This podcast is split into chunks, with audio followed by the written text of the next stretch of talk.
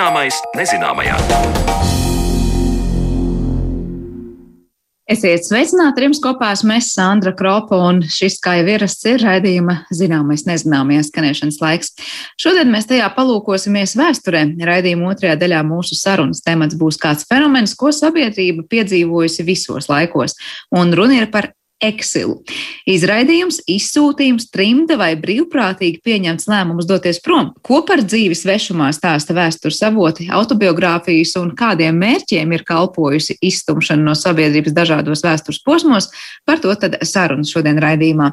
Taču pirms tam palūkosimies, kā otrais pasaules karš mainīja latviešu žurnālistu dzīvi trimdā.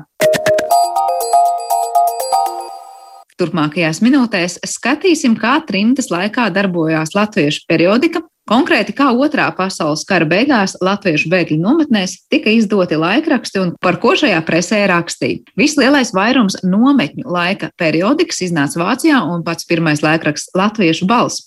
Laikraksts sniedza elementāru, kaut arī kara cenzūras ierobežot informāciju par bēgļu stāvokli. Tā manai kolēģei Zanēlācē Baltāksnē stāstā filoloģija un bibliogrāfe Velga Kīnce. Vairāk par trimdas laika preses izdevumiem manas kolēģis veidotajā ierakstā. Hamburgā darbojas latviešu būvuzņēmēja Kārļa Rušas būvfirma, kas nodarbina latviešu amatniekus un strādniekus. Pašlaik firma meklē šādus darbiniekus - mūrniekus, namdarus, galdniekus un būvstrādniekus. Altgardas mazajā pilsētā ir iekārtota nometne Baltijas valstu bēgļiem. Dzīves apstākļi ļoti labi, jo nometne atrodas kādas bijušās ārzemnieku nometnes vietā. Nometņotājiem ir ne tikai moderna un ērta virtuve, bet arī plaša ēdamzāle ar savu trauku inventāru. 1. jūlijā Altgārdas latvieši sarīkoja dzēnieka Kārļa Skalbas piemiņas vakaru. To ar dziesmām kuplināja arī nometnes koris. Pateicoties iedzīvotāju uzmanībai, nometnē visur manāma liela kārtība, par ko vietējais angļu komendants ir izteicis savu pateicību.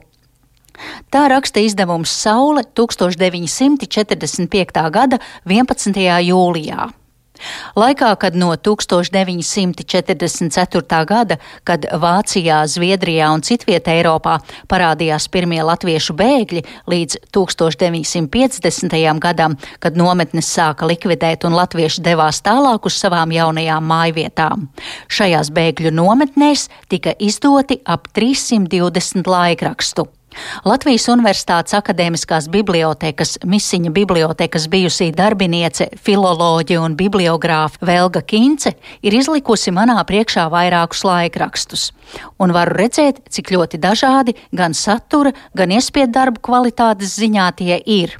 Nu, īstās nometnes vēl nebija, bet sāka jau bēgt 44. gada jau vasarā un rudenī. Un tad Latviešu balss bija pirmais izdevums, kas iznāca Berlīnē un kas jau mēģināja kaut kādu informāciju gūt par tiem cilvēkiem, kas ir jau kaut kur jau iebraukuši. Nu, varbūt pārsvarā tā kā tas bija ar literātu veidots un ir arī Anšlā Veglīša vēl īpašs lūgums Jānim Jaunsudrabiņam, lai uz Ziemassvētkiem dot kādu iedvesmojošu sirsnīgu gabalu Apstākļos, ka 400 nometnēs un visās Vāczemes malās izklīdinātie, noskumušie bēglīši gaida un lasa latviešu laikrakstu ar pavisam citām jūtām un citu interesi nekā dzimtenē.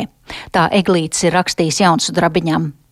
Skatos uz mašīnu rakstā vairāk kārt pavairotiem neskaidri izplūdušiem burtiem, kas ir drukāti uz papīra krāsu variācijās no pelēk balta līdz pat oranžam.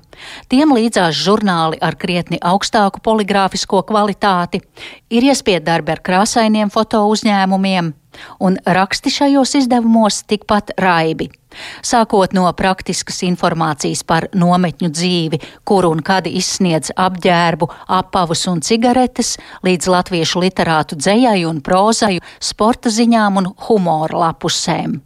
Turpmākajās minūtēs kopā ar Velgu Kīnci pārlaposim bēgļu nometņu latviešu laikrakstus. Savukārt pirmais, kurš iznāca tipogrāfiski iespiests jau 45. gada 18. jūnijas, tā ir mēs jau tā arī laikrakstu sauca tā.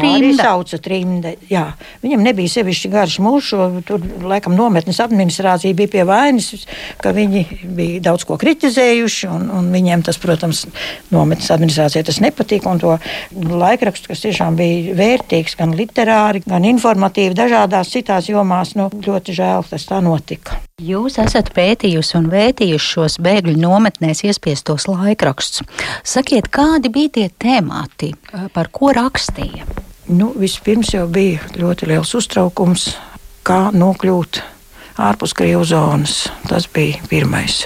Jo bija arī šajā pašā latviešu balsī, tādā neizteiktā, it kā slēptā veidā, jo bija arī cenzūra, ko teikt, ko neteikt. Vajag doties aiz elbas. Nedrīkstēja jau celt paniku par vāciešu nu, neveiksmēm, bet tomēr, lai dodas aiz elbas, lai nenokļūst Krievijas zonā, kaut gan vēl tās zonas nemaz nebija. Bet nu, apmēram jau bija jaušams, ka tā varētu būt.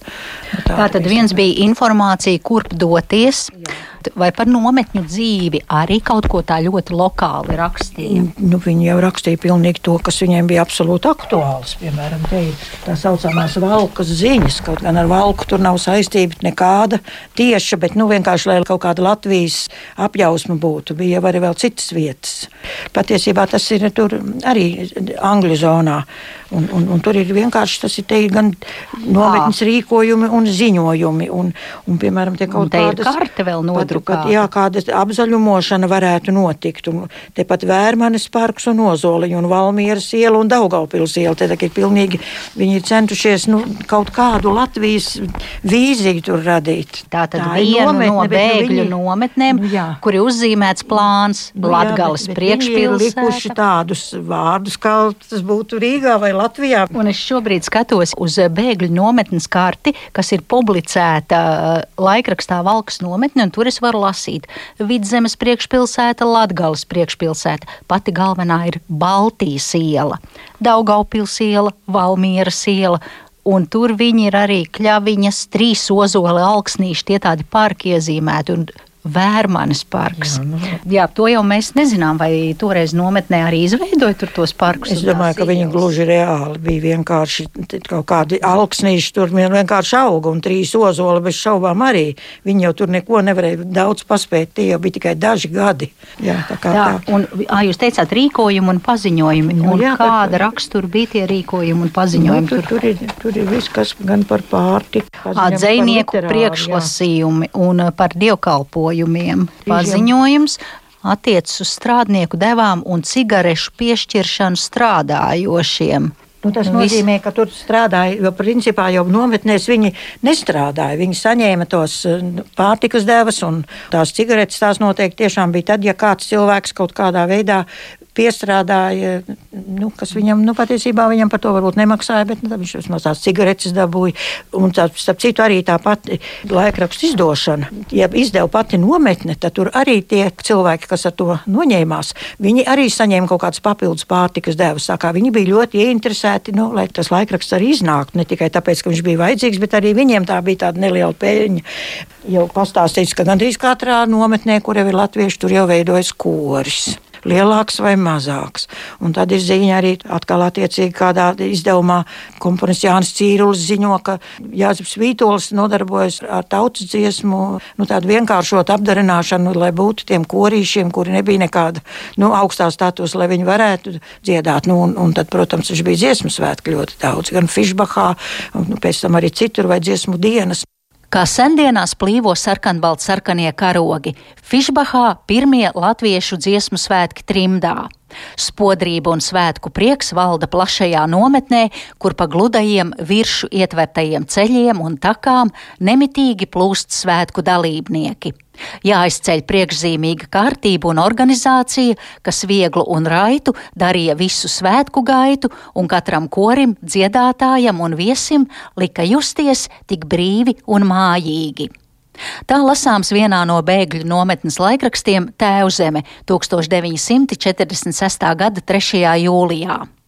Bet turpinājumā es vaicāju Velgai Kincei par to, kādā veidā šajā presē tika atspoguļota starptautiskā informācija. Daudz klausījās par radio. Tas ir ļoti izteikti arī vairākās vietās. Tas ir izlasāms, ka vienkārši ziņas no radio. Tā arī nu, radio var klausīties. Bet ienāk arī laikraksts, ir jūtams, ienāk cīņa, vai viņi ienāk, vai viņi kaut kā iesūta. Patiesībā jau nu, padomju puse bija ļoti ieinteresēta sevi reklamēt, un viņiem tais nometnēs arī bija tiesības ierasties, ar, jo viņi vēlējās aicināt, lai brauc uz Latviju. Protams, tās bija visai neveiksmīgi, bet nu, tādas akcijas bija daudz. Un lūk, te ir arī jā, tas ārpolitikas ārpolitiskais apskats. Maskava vēlas kopdarbību. Maskavā publicēti divi uzsaukumi par sadarbības padziļināšanu ar sabiedrotajiem. Komunistu partijas laikraksts Pravda lasāms. Tikai kopīga sadarbības turpināšana var palīdzēt izšķirt pēckara problēmas.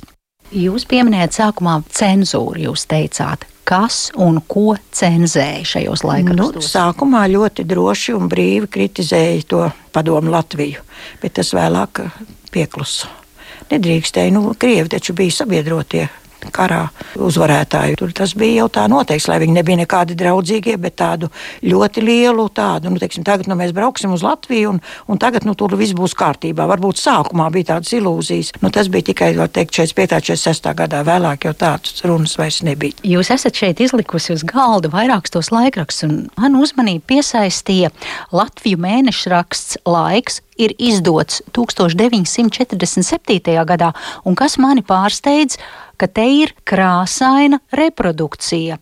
Veronikas Janelsiņas gleznots portrets. Lasītāji saucas. Jā, pat tam tipogrāfijas krāsām, kā viņi tomēr varēja iespiest šos gleznu reprodukcijas. Nu, viņi bija tādā diezgan privileģētā stāvoklī. Ja mēs blakus ņemam, ir izdevums trīs zvaigznes, tas ir Angļu zonā. Tur mēs neko tam līdzīgu neredzam. Nu, tas ir tikai iespējas, jā, jā, jā, mašīna raksts. Jā, nu, Amerikāņu zonā tur bija bagātāka tā mm, iespēja. Skatot to, ko jūs esat eh, rakstījusi un izpētījusi par šiem laikrakstiem, tur ir ļoti tiešām skaitliski daudz iznākuši iespēju darbi. Un kas man pārsteidz, ka tur ir arī bijuši speciāli žurnāli par šahu, kas ir veltīti tieši šaham. Jā, jā, šaham un vispār sportam. Jā, nu ir, nu, acīm redzot, bija kādi ieinteresēti, kam tas patika un interesēja, un visādas sacensības ir bijušas. Bija, te bija priecīgi ziņots, ka šaha turnīrā latviešu komanda uzvarējusi vācu komandu. Nu, kā tā lai nepriecājas?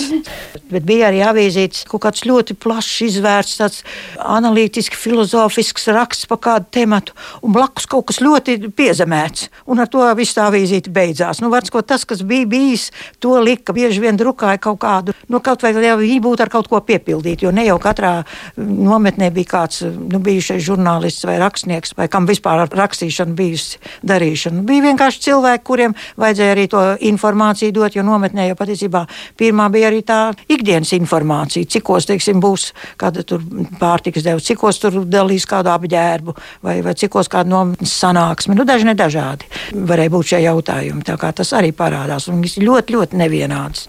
Daudz tika izdots arī informatīvās lapas, kur cilvēki meklēja savus tuviniekus, un 40. gadu beigās aktuāli sāk kļūt izceļošanas tematika pienāk brīdis, ka ir skaidrs, ka nometnes nebūs mūžīgas, un palikt var tikai tie, kas nu galīgi nespēja pārcelties nekur. Un tad ir pirmie braucieni uz Angliju, tur brauc ogļračs, tur brauc medmāsas, pēc tam atkal piedāvājumi tad uz Ameriku, uz Kanādu, uz Austrāliju, uz Brazīliju, un viss tiek informēts, nu, kādi tur ir tie apstākļi varam sniegt informāciju no drošiem avotiem. Tanī apskatīti ieceļošanas noteikumi Kanādā, Jaunzēlandē, Dienvidāfrikas Unijā un ASV. Kanādā pašlaik gan apspriežot dažus likuma projektus un grozījumus ieceļošanas noteikumos, ar nolūku tos mīkstināt un atvieglināt baltiešu bēgļu masveidīgu imigrāciju, bet jautājums vēl esot tikai pārunas stadijā taču arī labvēlīgi to atrisinot, baltiešiem ierādītu reti apdzīvotus un neiekoptus apgabalus, kuru vispirms būtu jābrauc izlasītiem speciālistiem un amatnieku kadriem, lai veiktu priekšdarbus, Tā kā līdz šim nav nekāda pamata bažām, it kā mūsu taisnā lieta būtu zaudēta un rietumu lielās demokrātijas joprojām neatzīst okupantu pretenzijas, tad nedrīkstam zaudēt pacietību un pa galvu pa kaklu mesties katrā dēkā, kas mūs vilina projām no Eiropas. Toties silti ieteicam izlietot katru iespēju, dabūt darbu un brīva pilsoņa stāvokli Anglijā, vai nu sanatoriju dienestā, vai lauksaimniecībā un būvniecībā. Tā raksta laikraksts Latviešu ziņas 1946. gada decembrī. 50. gadu sākumā nometņu dzīve apsīkst, jo sākas izceļošanas, un tad jau citviet pasaulē parādās jauni trimdas latviešu laikraksti. Tik tālu par latviešu preses aizsākumiem trimdā, bet par trimdu brīvprātīgu izceļošanu un piespiedu izsūtīšanu vēsturē sarunu pēc brīža. Cilvēka izdzīvošana ir pilnībā atkarīga no spējas darboties kā kopienai, tāpēc jau tūkstošiem gadu cilvēces pastāvēšanā izraidīšana no kopienas ir bijis bargākais sots. Taču, ja senajā pasaulē tas bija teju nāvis sots un izraidīšana bija fizisks drauds, tad vēlākos gadsimtos izsūtījumam klāt nāca daudz vairāk nozīmju un mērķu. Turmākajās minūtēs mēs pievērsīsimies izsūtījumam kā fenomenam vēsturē, un, lai par to parunātu, mēs studijā esam aicinājuši Latvijas Universitātes vēstures un filozofijas filozofijas fakultātes profesoru, vēsturnieku Andriu Levānu. Labdien! Labdien. Un šīs pašas fakultātes zinātnisko asistentu un doktorantu viduslaiku vēsturē Rudolfu Reinu Vītoliņu. Labdien! Labdien. Es sākšu laikam ar to, kas ir vispār šīs tēmas aktualitāte un kāpēc jūs par to esat nākuši runāt. Jo, nu, laikam, pirmais, kas nāk prātā, kad runājam par iziešanu no kādas sabiedrības, uzreiz ir jautājums, vai cilvēks to ir darījis bēgot no kaut kā, vai viņš ir ticis sodīts un tad ir došanās trimdā vai šis saucamais eksils, ja zinātniskajā valodā, ir tāds nu, brīvprātīgs lēmums būt kaut kur citur, vai te ir stāsts par to, kā sots, un tagad cilvēks ir spiests doties trimdā. Andri, sākšu ar to, kas ir šis eksils. Jā, eh, paldies. Eh, eksils ir ārkārtīgi ietilpīgs eh, kultūras fenomens. Es pat gribētu teikt, ka, ja mēs iedomājamies, nu, kaut vai sašaurināti, Eh, Eiropas kultūras eh, kontekstus, tad eh, eksila pieredzes ir viena no tām komponentēm, kas šo nu, teiksim, tā, Eiropas um, kultūras telpu un, es domāju, arī atsevišķu sociālu grupu, kā piemēram marginalizētie, izraidītie mentalitātes veidotāji. Un, patiesi, ja mēs paskatāmies, tad uh, vecā derība jau mums atgādina par to, uh, Un vecā derība ir tikai viens no lūk, šādiem ļoti seniem uh, tekstuāliem formātiem, kas mums atgādina par šo uh, eksilēšanās, un uh, eksilācijas un eksīla pieredzi. Un šīs pieredzes lūk, dažādajām izteikuma un izteiksmes formām, tad jā, eksilam ir ļoti, ļoti sena vēsture. Es domāju, vienkārši tādā kultūras čērsgriezumā. Eh, taču arī mēs redzam ļoti skaidri, ka eh, šī pieredze iet roku rokā gan ar eh, varmācīgu, iespējams, likuma ietvaram un tiesību normām atbilstošam kopienas vai atsevišķa individu, piemēram, tirāna lēmumam, ka kāds ir tā vietā, lai viņu nogalinātu, viņš ir jāsoda ar izraidīšanu, tas ir ar piespiedu atsvešināšanu, vai arī tā ir izvēle. Tā ir piespiedu apstākļos vai īpašos apstākļos, kur ir iespēja izvēlēties dzīvot vai mirt, un dzīvot tas nozīmē aiziet. Jā, tās ir lūk, divas šīs opcijas, kuras, acīm redzot, mēs asociējam ar eksilu. Nu, tad tas nav tā, ka izvēle aiziet, nu, tāpēc, ka man tā liekas ka pareizāk vai ērtāk, ka tas ir vai nu nāves sots vai, vai, vai, vai jā, iespēja dzīvot, bet citur. Būs kas piebilstams par šo aktualitāti tēmas un arī to. Man liekas, interesants stāsts, kā mēs nokļuvām līdz šai tēmai. Proti, mēs ar uh, profesoru Levānu kaut kādā brīdī, trīs mēnešus pirms konferences sazvanījāmies un kaut ko pļāpājām, kāds varētu būt tas virziens. Un mans uzstādījums bija tāds ejam prom no tādām tēmām. Nu, iepriekšējā tēma konferencē bija pandēmija, dzīves sērga. Un tas mans uzstādījums bija, ejam prom no šīm aktuālajām tēmām, paņemam kaut ko mūžīgi, nu, vienmēr interesantu, bet tādu varbūt ne tik pie, m, aktuālu kādiem pašreizējiem notikumiem. Un tad mēs izplānojam Excel un viss notiek. Un trīs nedēļas pirms konferences sākas karš. Nu, un vēl, atkal ir aktuāli. Vēl precīzāk viņi nevarēja uztēpīt. Bet, uh, piemēram, ar Exilu, ja mēs runājam arī no nu, kara kontekstā, mēs uzreiz domājam par cilvēkiem, kas ir spiesti bēgt, un viņi paši, piemēram, dodas prom citur. Tas jau nav tas pats. Negluži. Kas... Nē, nē, nē, tas noteikti tā nebūs, jo mēs esam varbūt pieraduši uh, jēdzienā uh, Exils uh, projicēt lūk šo emigrācijas nozīmi, kas, protams, tā arī ir. Jo daļēji jau jebkurš cilvēks, kurš dzīvo eksilā, jo patiesībā tā ir dzīves forma, ļoti specifiska dzīves forma, eh, proti būt tālu prom, esot svešumā, un apzīmēt sevi kā lūk, šādu atsvešināto, no kopienas atdalīto un patiesībā ļoti uh, nu, teiksim, izteiktu un izteiksmīgi marginalizēto. Pie tā jau arī pats lūk, šis uh, trimdā esošais, vai eksilā esošais, vai emigrācijā esošais cilvēks, indivīds vai individu kopa, viņi sev par tādiem stilizē. Tas ir arī darbs pie sevis, lai sevi pozicionētu kā eksilantu. Bet, jebkurā gadījumā, tas ir tas, ko mums arī nu, teiksim, tā akadēmiskā, pētnieciskā kultūra šobrīd atgādina. Un šī tēma jau nav gluži tāda, kur nu, Vitoļņš ar Levānu un Raivu Bičevski, kurš šodien nav šeit klāt, jo mēs visi trīs strādājam pie šī mm. koncepta, ka mēs to būtu atklājuši. Tā nebūtu nav. Šai pētniecībai ir ārkārtīgi, jau es teiktu, tā ilgas tradīcijas.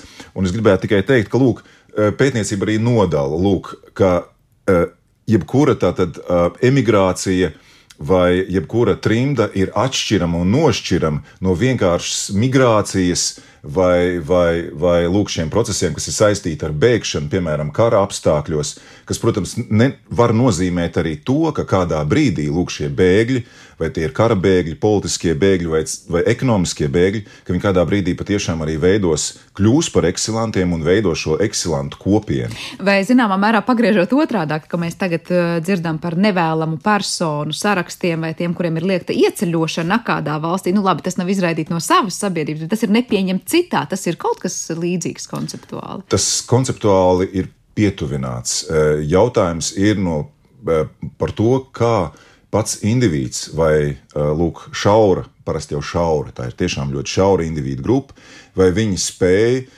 sevi pozicionēt kā eksilantus. Un tad, protams, tam ir arī uh, tiesiskie, uh, tiesiskais ietvers ļoti svarīgs. Uh, nu, tas nozīmē par to, kāds ir viņa status eh, esot svešumā, kādā svešā valstī, svešā kultūrā, sabiedrībā, kas, kurai viņš sākotnēji nepieder. nepieder jā. Jā. Eh, es runājot par to pagātni, ja mēs skatāmies, nu, protams, prātā nāk eh, antīkā vēsture, kur mēs daudz dzirdam par to, kā soda mērs bija došanās prom no savas sabiedrības, tad iztumšana.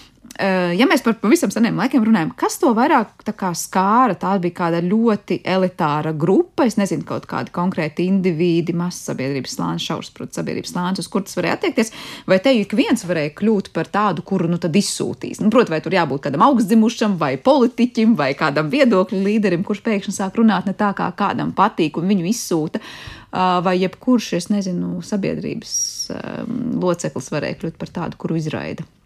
Eh, iespējams, ka tā ir eh, eksila specifika, ka tas nav jebkurš. Tie parasti ir eh, tādi individi, kuri vai tādas personas, kuras savā nu, teiksim, tā, mājas vietā vai sabiedrībā, kurai viņi pieder, viņi jau ir pozicionējušies kā citādie. Acīm redzot, ir likuši mm, pārējiem ievērot sevī to citādību, vai tā ir viedokļu atšķirība, vai tā ir uh, um, īpaša uzvedības forma, um, iespējams, tā var būt ļoti provokatīva. Uh, tā var demonstrēt to, ka cilvēks nepiekrīt piemēram kādam, nu, piemēram, ja mēs runājam par, par politisko sistēmu vai par politisko režīmu. Arī antīkajā pasaulē mēs par to pavisam droši un arī viduslaikos varam runāt. Tad, protams, šis kāds atsevišķais cilvēks būs tas, kurš uh, iespējams kļūs par uh, par mērķi lūk tam, lai pārējiem par brīdinājumu nesekot lūk šādām uzvedības formām vai domām eh, vai idejām, ka viņi vienkārši, varētu teikt, demonstrācijas dēļ vienkārši izraida no. Tad tas nozīmē, ka, eh, ja mēs runājam par migrācijas procesiem, nu, piemēram, jūda aiziešana eh, tuksnesī uz 40 gadiem nebūtu nav apzīmējama kā, kā kolektīvs eksils vai eksila pieredze, kaut gan tieši šim piedzīvojumam bieži vien, nu, teiksim, tā eksila pētniecības kontekstā un šajā mentalitātē, eh, kuru mēs eh, aprakstam, lūk, kā eksila pieredzi un tā tālāk, neatbilst patiesībā tā ir, tā ir aiziešana kas ir saistīti pavisam ar citiem faktoriem, un tas, ka Mozus viņus izved, tātad eksodus, šī iziešana no, no tūkstneša ir pavisam cita pieredze nekā, piemēram, eh, Babilonijas gūsts, kas ir jau pavisam cita pieredze, un šis Babilonijas gūsts ir drīzāk pietuvināms un atbilst šai, šim eksilu fenomenam, ar ko es gribēju teikt, ka lūk, tā ir faktiski sabiedrības elite par kuru mēs eksila gadījumā runājam. Nu, tad, nebūs nevienam valdniekam svarīgi izraidīt kādu, es nezinu, tur, nu, nezinu, tajā pasaulē izteikt kādu maiznieku, piemēram, vai kādu citu, tikai tāpēc, ka viņš ir, es nezinu, ka kaut ko nozadzis vai kantēns kukulīšs. Jā, vai ne tieši tā. Tur būs kāds, kurš kaut ko dara tādu, kas visas sabiedrības mērogā tātad kādam var nepatikt. Vai atšķirs tas, kā eksils izpaužas antīkajā pasaulē viduslaikos, es nezinu, vēl vēlākos laikos? Nē, nu, droši vien par antīkajiem jāmin tas, ka tur tiek diferencēts likuma izpratne uh, nu, senajā Romā tieši. Viduslaiku vēsturē, kā mēs varam teikt, vai eksilam ir kaut kāda cita seja vai citi vaipsti? Es domāju, ka noteikti nē, tāpēc, ka, ja mēs paskatāmies uz, uz viduslaiku pasauli, kā, nu, teiksim, tā, piemēram, Romas publisko uh, tiesību mantiniecei, kur patiesībā šī uh, Eh, vēl pirms eh, šīs eh, teiksim, tā, tiesiskās tradīcijas, recepcijas viduslaiku pasaulē, kas aizsāks 12. gadsimta pirmajā pusē, un kas arī ļoti spēcīgi veidoja nu, teiksim, tā, šo tiesisko izpratni, piemēram, par šādiem soda veidiem, kur ir, nu, tiek, kas tiek kvalificēti kā nodarījums pret kopienu, pret kopīgā labuma interesēm un tā tālāk.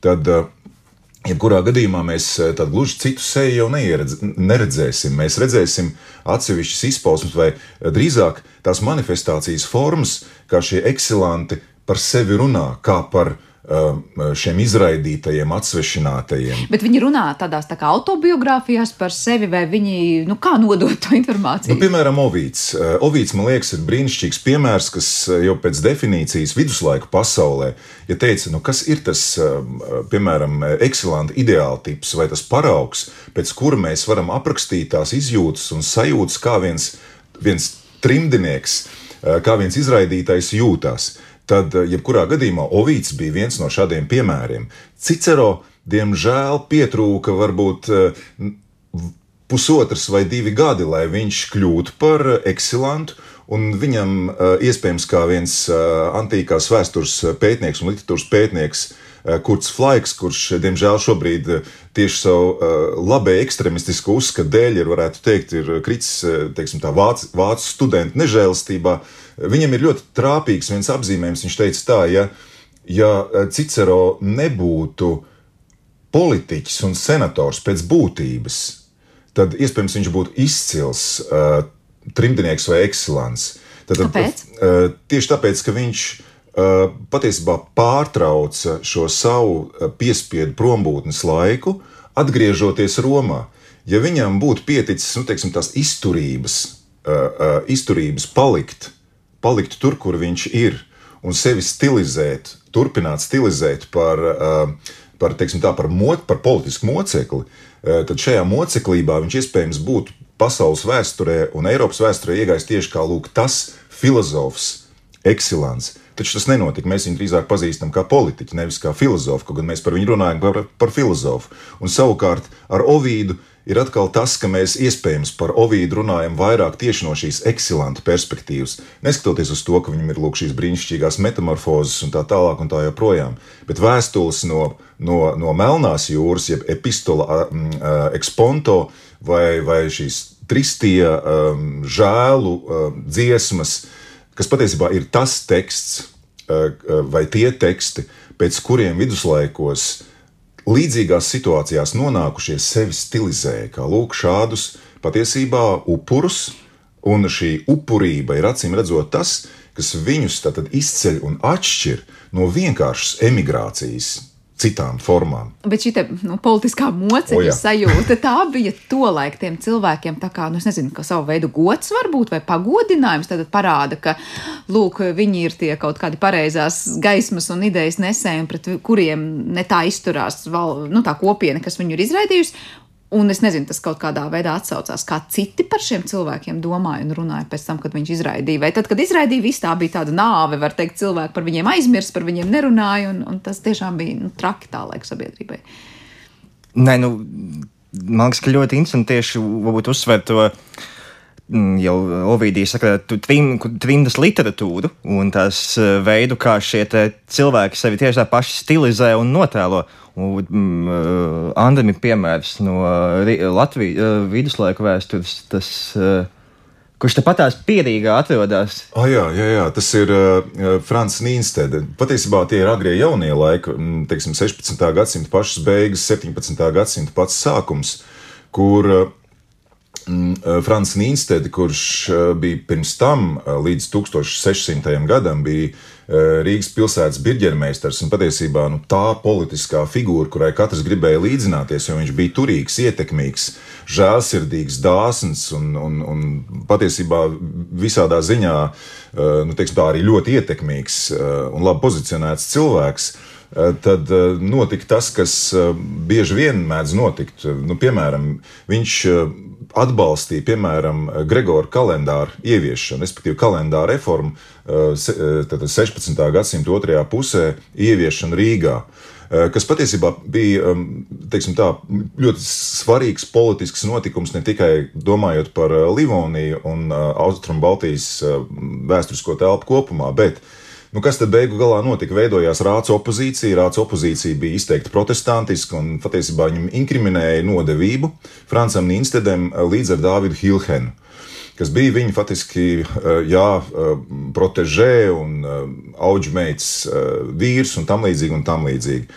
Un tajā brīdī, tad, kad viņam teica, vai nu tu izvēlies nāvi vai lūk, aiziešanu in exilio, tad viņš eh, pēc tam, būdams nepilnus 50 km no Rīgas, proti, savā īpašumā Briežu mūžā, tepat netālu tas ir Suntažos, viņš par sevi runā un par sevi stāsta kā par uh, savu dzīvi tālajā uh, uh, eksilium. Ja? Tad, tad viņš ir tālu prom. Tā, ja, mē, ja mēs izsvītrotu uh, šo vārdu, uh, vietas nosaukumu, kur viņš atrodas. Varētu domāt, mums, ka viņš ir tālu. Tad mēs varētu domāt, ka viņš ir sazināts, kur kādā pasaules malā nonācis, kādā drūmā tundrā, kur apkārt dzīvo patiešām necivilizēti un nekultivēti ļaudis. Citiem vārdiem sakot, tas ir īpašs, es teiktu, arī dvēseles un apziņas stāvoklis, kā pētnieki jau šobrīd, teiksim, arī par Tomasu Mannu vai eh, par uh, nu, teiksim, par eh, Sigmundu Freidu runājot,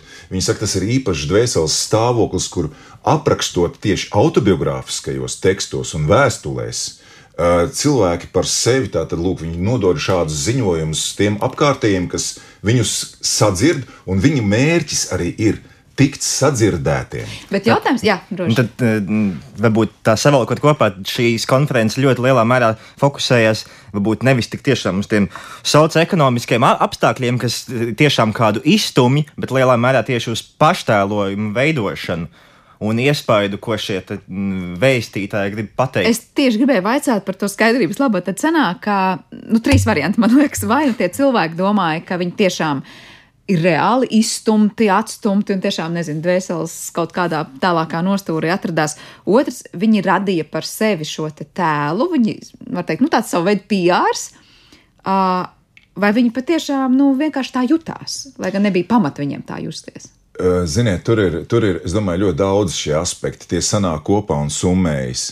Tur ir gan tas, ka ir reāli viņi ir uh, izstumtie, uh, atsvešinātie, izraidītie, jo vienkārši tas atbilstoši dotajam likuma ietvaram vai tai tiesiskai izpratnē vai, vai politiskam, uh, politiskā režīma sevis pašu uh, redzējumam, uh, ka viņiem nav vajadzīga, lūk, piemēram, šāda spēcīga opozīcija vai šādi politiski konkurenti, kur viņi, lūk, dāsni, šķietami žēlsirdīgi piedāvā izvēli. Nu, viņi bija tā kā, jā. Jā, lūk. Un tad ir, protams, šis pašstilizācijas mēģinājums, kam, protams, ir ļoti konkrēts mērķis.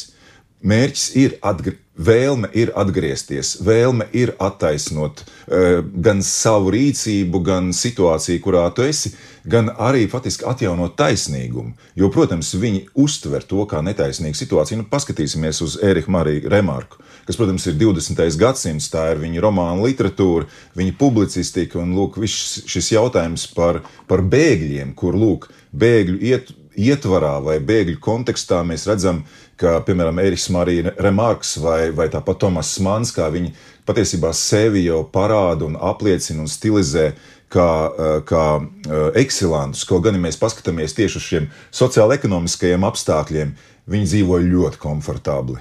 Remarkam bija villa eh, Šveicē, un Tomas Mans patiesībā bija Viņš jau bija gaidīts Amerikas akadēmiskajā un literātu sabiedrībā. Tad, tad viņiem neklājās slikti tieši tāpatās kā Sigismundam Freudam Anglijā. Tātad, tā ir tā viena monētas puse, bet vēl ir jau ir citas. Un, proti, tās ir tās situācijas, kur kāds atrastamies uz vietas, mājās, viņš izvēlas iekšējo eksilu, aiziešanu. Viņš atrodas tepat, bet viņš ir tālu prom. Bet tajā brīdī, ja viņš ir ne fiziski tālu prom, cik ļoti varbūt tiešām viņš ir izvēlējies savās mājās būt, kā mēs tur teicām, dažus desmit kilometrus no Rīgas, varbūt ja tikai. Bet kādi bija tie ierobežojumi? Nu, viņi tāpat varēja, nezinu, sūtīt vēstules, sazināties ar tiem cilvēkiem, kas paliek tajā bijušajā kopienā, vai tā bija kaut kāda, nu, pilnīgs aizliegums vispār kaut kādā veidā kontaktēties ar tiem cilvēkiem. Es ļoti atvainojos, Rudolf, es pateikšu tieši šo, jo man liekas, šī ir baigi svarīgā nianses. Tik tiešām uh, interesanti ir tas, ka ekscelents nav mēms. Viņš drīkst uzrunāt savu kopienu, ko viņš arī dara. Viņš drīkst komunicēt, ko viņš arī dara. Protams, Tomas Mannu pieminēt pēc 33. gada nebija vairs īsti varbūt ieteicams, es domāju, Trešajā reihā.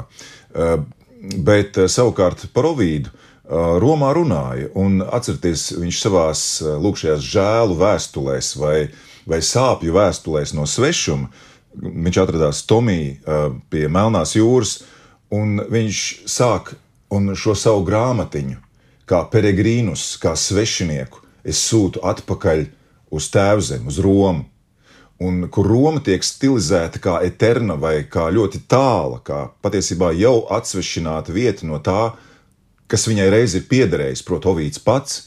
Un, proti, lūk, šī komunikācija ar vietu, no kurienes izraidītais ir aizgājis, tā bija iespējama. Šī iespēja, iespēja arī tika izmantot ļoti intensīvi, bet, nu, protams, tā kultūras situācija un tas politiskais konteksts jau bieži vien notika, noteica to, kā tas notika. Un, protams, tad mēs arī varam diferencēt šīs ļoti, ļoti dažādas, ļoti atšķirīgās situācijas, kuras patiesībā veido ne tikai lūk, šo priekšstatu par to, kas ir eksils, bet arī par to, kā eksils ietekmē kultūru tur, no kurienes ekscelents ir aizgājis. Un tā ir arī viena šausmīgi interesanta tēma. Rudolfam būs piebilstams pie, pie, pie šīs savstarpējās miedarbības starp kultūru veidojošo pieredzi. Es domāju, tas ir Man liekas, tas uh, Malmotu piemērs ir liekas, ļoti labs, Rudolf. Jā, nu, tas uh, mans lasījums varbūt drīzāk bija kā tāds intelektuāls vingrinājums, uh, proti, mazliet paķidājot Oskara Vailda pseidonīmu pēc bēgļu. Uh, Eksilu uz Parīzi pēc izlaišanas no cietuma, kur viņš pieņem identitāti Sebastians Melmots kas tātad eh, Sebastians nāk no Svētā Sebastiāna, kristiešu mocekļa, kurš arī dzīvo dubultu dzīvi. Viņš ir kristietis, bet viņš ir eh, tātad pretoriāņu pre komandieris. Eh, pēc tam, kad viņš tiek atklāts, viņš tiek nogalināts, taču viņš atkal nokļūst tā, nu, rodas tā nepiederība un ārpusnieciskums, jo viņš ir it kā miris, bet tomēr dzīves, tad viņš atkal tiek nogalināts. Un, un otrs, tad, tad šī pieņemtās identitātes daļa, kas ir Melmots, ir savukārt Čārlza Matjūrina gotiskā romāna mm, varonis. Matjūrins ir Vailda radinieks. Un uh, tad atkal, nu, gotiskajā romānā, protams, arī ļoti populārs šis personības dalīšanās un dubultnieka motīvs, kurš tad allaži parādās nu, no folkloras viedokļa. Dubultnieks parādās pirms tu mirsti. Uh, kas tad Vailda gadījumā arī notika trīs gadus vēlāk, bet tā tad arī dubultnieks, kā nu, no tādas literatūras pētniecības aspekta, dubultnieks arī kā uh, paštēla veidošanas līdzeklis, kā kaut kas, kas radās konflikta situācijā. Bet, jo, pie, piemēram, jebkurš, jebkurš nu, emigrants, eh, vai cik sāpīgi vai nesāpīgi būtu tie apstākļi, viņš jau savā veidā kļūst par dubultnieku. Jo tev jā, jā, jāuzvedās ārpusē, citā sabiedrībā, kaut vai tīri pieprotot, pieprotot kādas tradīcijas vai Nu, protams, šie cilvēki sajūt, ka viņiem ir kā, nezinu, cita personība mazliet tajā brīdī, kad viņi ir kļuvuši par šiem izraidītajiem, ka viņi pieņem vai viņi par sevi rāda šo tēlu, ļoti nu, varonībā balstītu. Kā... Abejādi, jā, tas ir, tur ir, tur ir tāds abejādums, un eh, man liekas, ka te ir viena ļoti interesanta lieta, ko arī atsaucoties uz, eh, teiksim, uz akadēmisko tradīciju šajā šī, teiksim, diskursa izpētē, eh, ir viena lieta tajā brīdī, kad kāds, kurš vienalga, lai tas būtu Tomas Mans vai tas būtu Ovīts.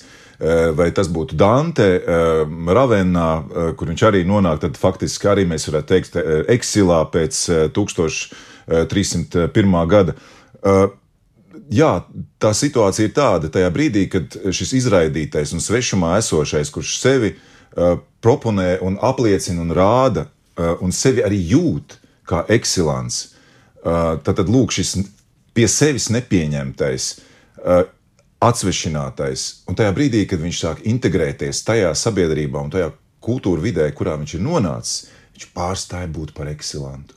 Viss ar to viņa stāsts ir galā kas attiecas uz viņu konkrēti uz viņu personu.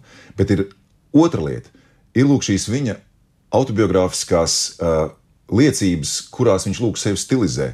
Un tās ir tās, kas faktiski jā, iekonservē vai saglabā lūk šo tēlu, kas savukārt tālāk jau, ja runa ir par, nu, piemēram, par uh, politisko pretestību, uh, kas tiek kas ir ļoti svarīga dažādos laikos, dažādām lūk, šīm ekscelentu eh, grupām, uzturoties svešumā, kas var būt daudzu pauģu garumā, ka lūk, šis tieši šis tēls, kaut arī pats lūk, šis indivīds, lūk, viņš jau sen ir integrēts.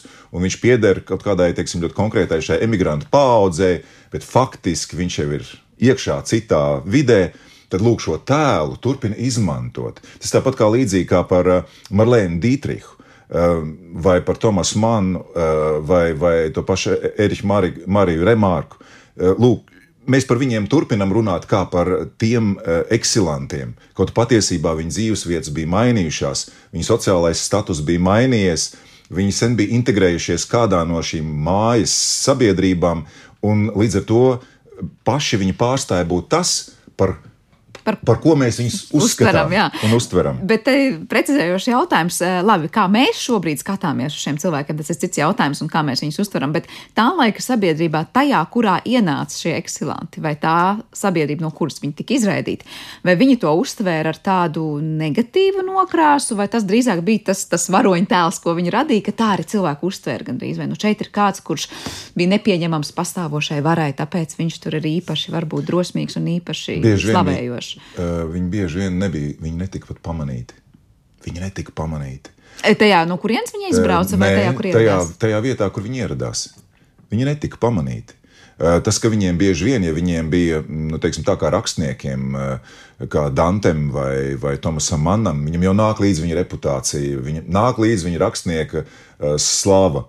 Eh, tad, protams, viņus pamana un ievēro. Un, godīgi sakot, nu, piemēram, ar Dantas eh, mirušajiem pīšļiem, taču tur notika ļoti dažādas lietas. Viņi tika pārvietoti zakti un, un tam līdzīgi. Un, tam līdzīgi. un, ne, un neviens šodien nezina, vai tie kauli, par kuriem mēs runājam, ka tie pieder Dantem un kas ir apglabāti Ravenā, vai tie patiešām ir Dantas kauli. Citiem vārdiem sakot, eksils ir metāfora.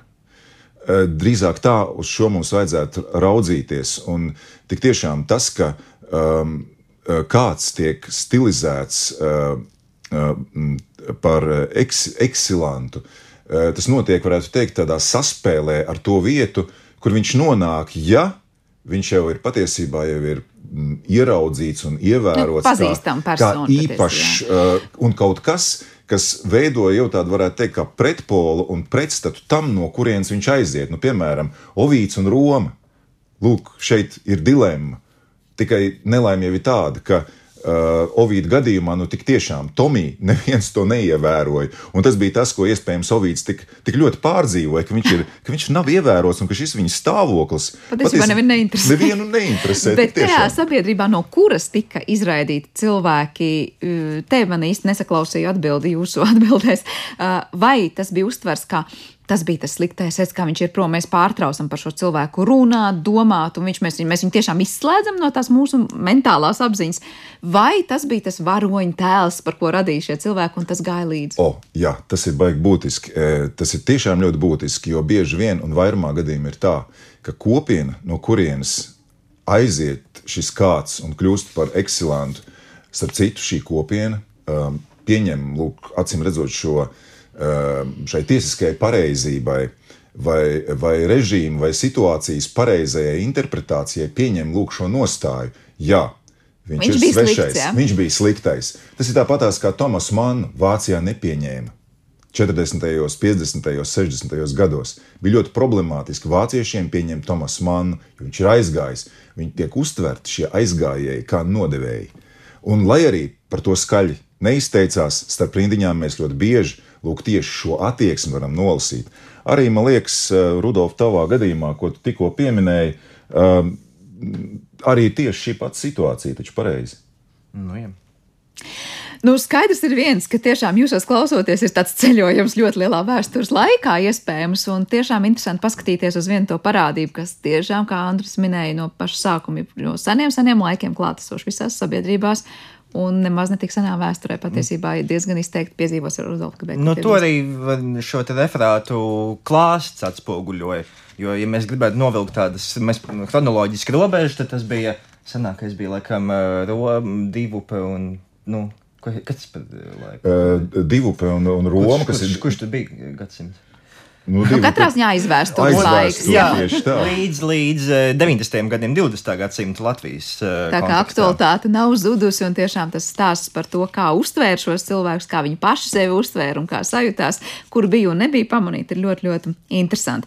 Man prieks, ka jūs esat pētījuši un aktualizējuši šo jautājumu. Es ceru, ka mēs vēl dzirdēsim daudz interesantu atklājumu, skatoties. Nu, tātad tās ir autobiogrāfijas, jā, tie ir literārie sacerējumi, kurus jūs analizējat un, un dalāties savos secinājumos. Paldies par sarunu! Latvijas Universitātes vēstures un filozofijas fakultātes profesors vēsturnieks Andris Levāns, kā arī šīs pašas fakultātes zinātniskais asistents doktorants viduslaiku vēsturē Rudolfs Reinis Vītoliņš šodien bija mūsu raidījuma viesi.